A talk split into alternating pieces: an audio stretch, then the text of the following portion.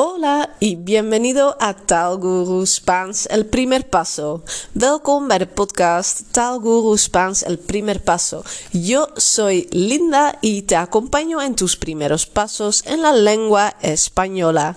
Ik ben Linda en ik begeleid je op je eerste stappen in de Spaanse taal.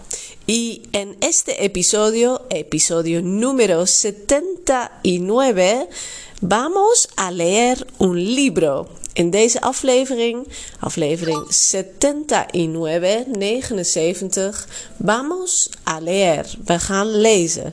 Uh, ik heb eerder een boekje voorgelezen. Uh, ik weet niet meer uit mijn hoofd welke aflevering dat was. Even opzoeken. Uh, fue episodio numero 34. 34. 34. Al heel lang geleden, besef ik me nu. Uh, terwijl ik daar heel leuke reacties op had gekregen. Daar las ik uh, volgens mij Fiesta en Chinchon. Uh, een boekje op A1-niveau. Dus echt, als je nog niet zo lang bent begonnen met Spaans leren, dan zou je die kunnen lezen. luister in ieder geval naar aflevering 34 om te kijken of je dat een beetje kunt volgen. En este episodio quiero leer un uh, libro en nivel B1. Nivel B1 es un nivel semi-avanzado. Dus in deze aflevering ga ik een boekje op B1 niveau lezen. Dus iets uh, verder gevorderd. En um, het is niet alleen dus een uh, hoger niveau. Het is ook een boekje waarin aandacht is voor het uh, Spaans van Zuid-Amerika. En daar wil ik eerst nog iets over vertellen. Want ik denk dat. Uh, ik vraag me af hoe goed mensen weten hoeveel verschillen er eigenlijk zijn. Misschien heb je wel eens gehoord, oh in Zuid-Amerika is de uitspraak anders. Maar vergis je er niet in, in sommige landen, vooral uh, in Argentinië, waar het boekje van vandaag zich afspeelt, is het Spaans echt zo anders. Totaal andere woorden. Daar zal ik straks een paar voorbeelden van geven. Uh, en de uitspraak in het Argentijns, die ga ik je vandaag niet geven.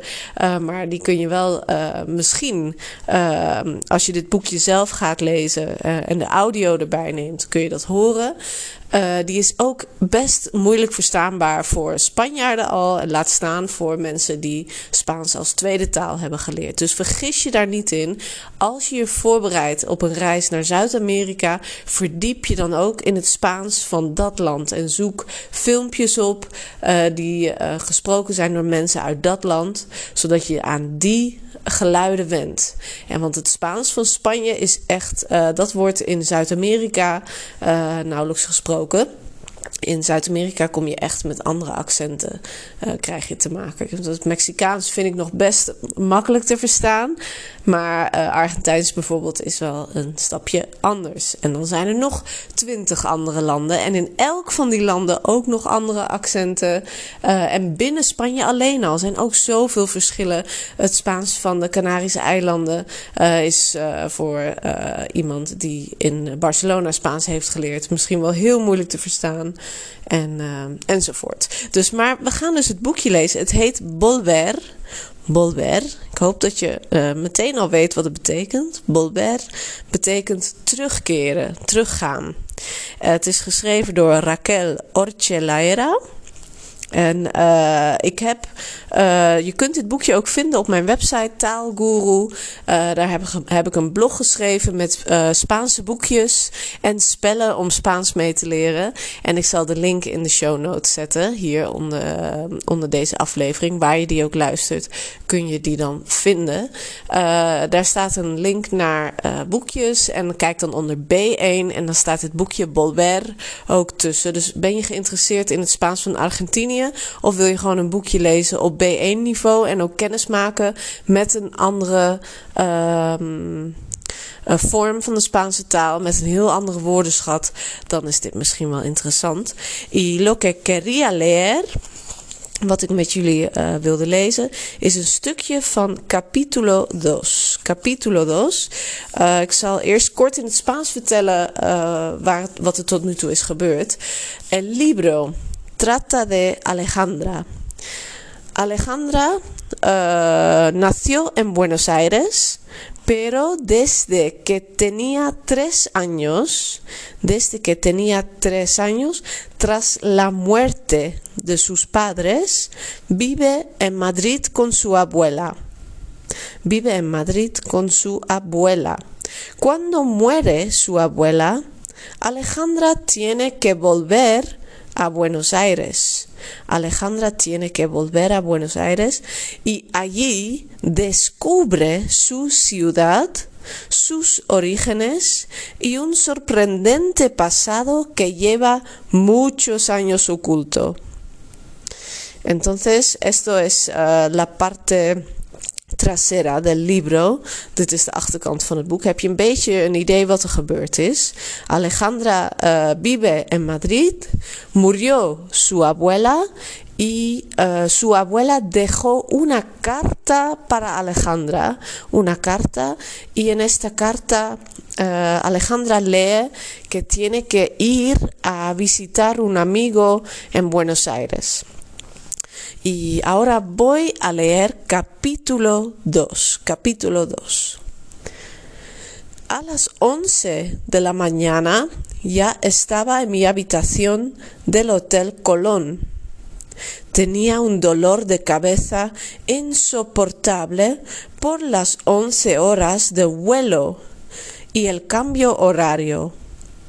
Aunque, según el, el recepcionista del hotel, es por la presión atmosférica. Nos afecta a todos. Pronto se me olvidó ese malestar inicial, ya que desde mi habitación podía ver una ciudad impresionante. Concretamente veía el obelisco y la avenida 9 de Julio, la calle más ancha del mundo. Era jueves y mi avión de vuelta a España salía el lunes. Así que podía disfrutar de esa ciudad durante cuatro días. Lo primero que hice fue llamar a Marcelo Pierini. Desde Madrid lo había localizado y me había puesto en contacto con él. Así que ya sabía que yo llegaba hoy a Buenos Aires y también quería verme. Hola. Hola, Marcelo Pierini.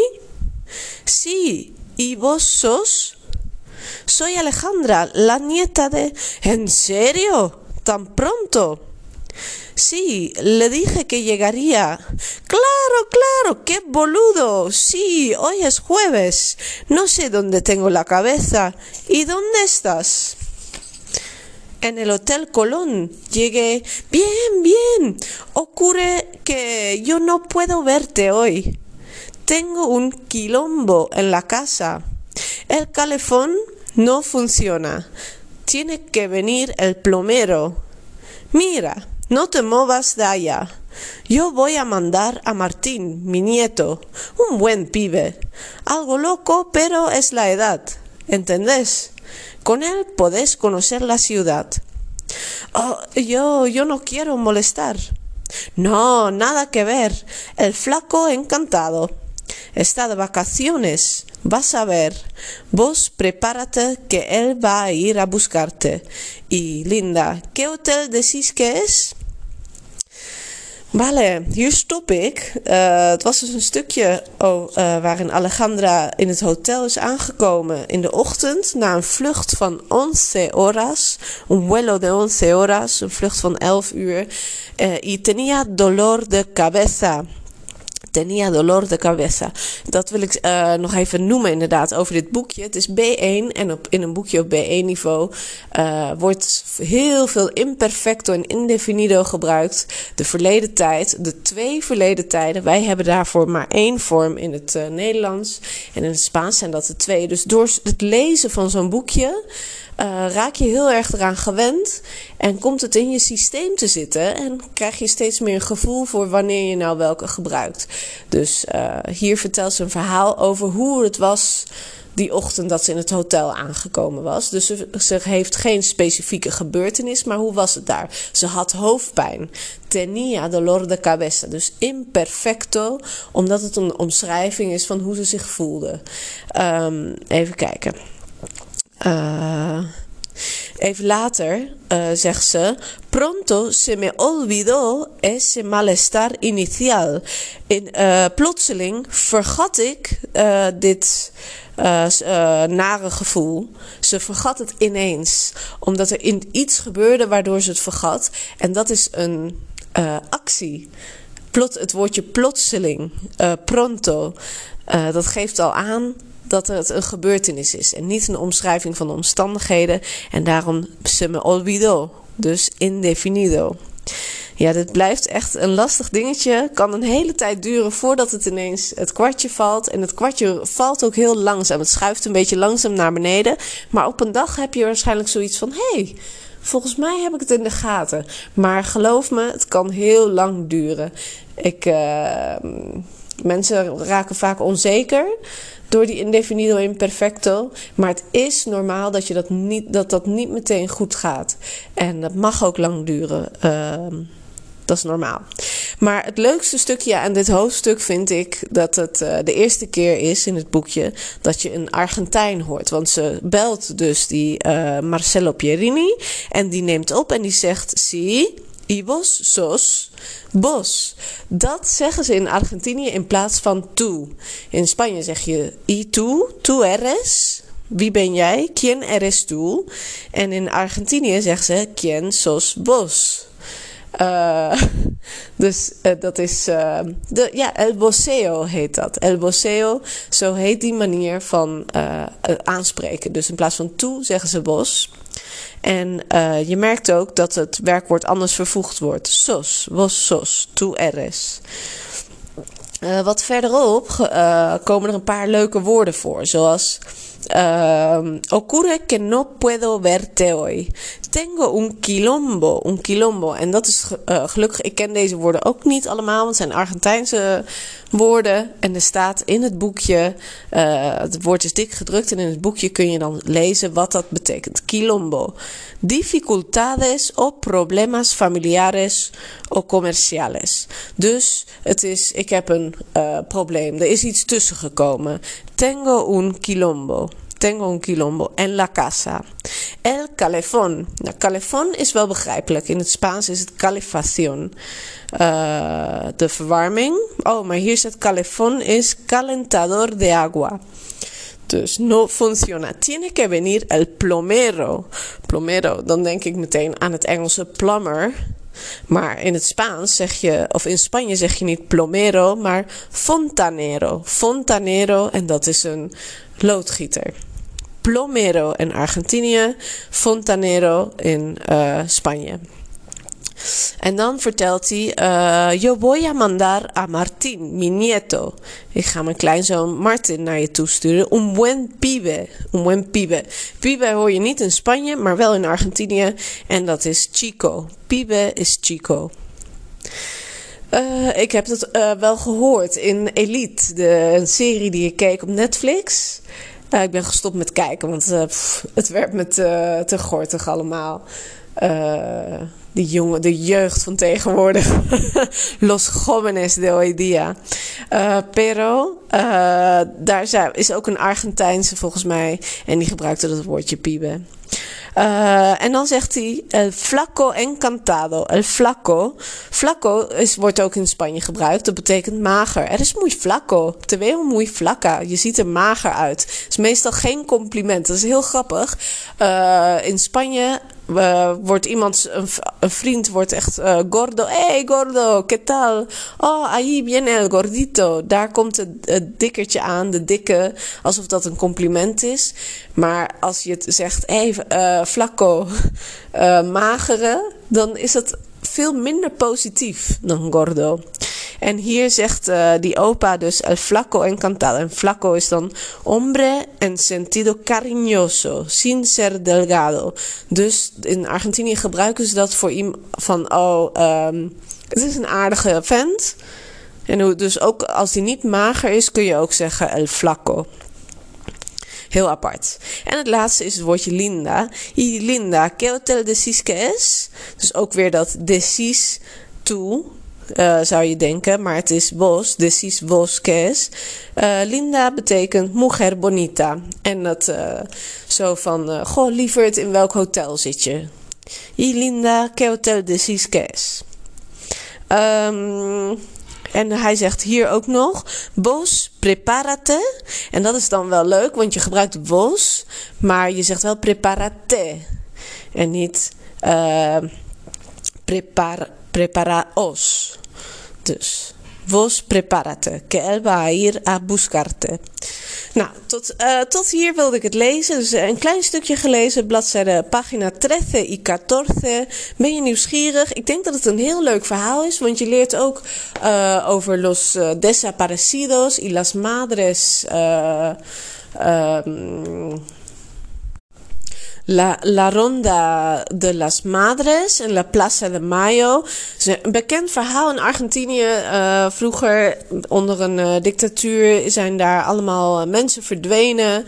En de moeders van verdwenen kinderen, die tot vandaag de dag lopen ze daar nog in protest. Ze hebben gewoon altijd gezocht naar hun kinderen. Het is een heel verdrietig verhaal eigenlijk.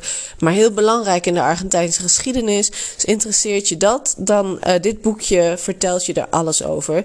Dus een aanrader als je al Spaans op niveau kent, niveau B1.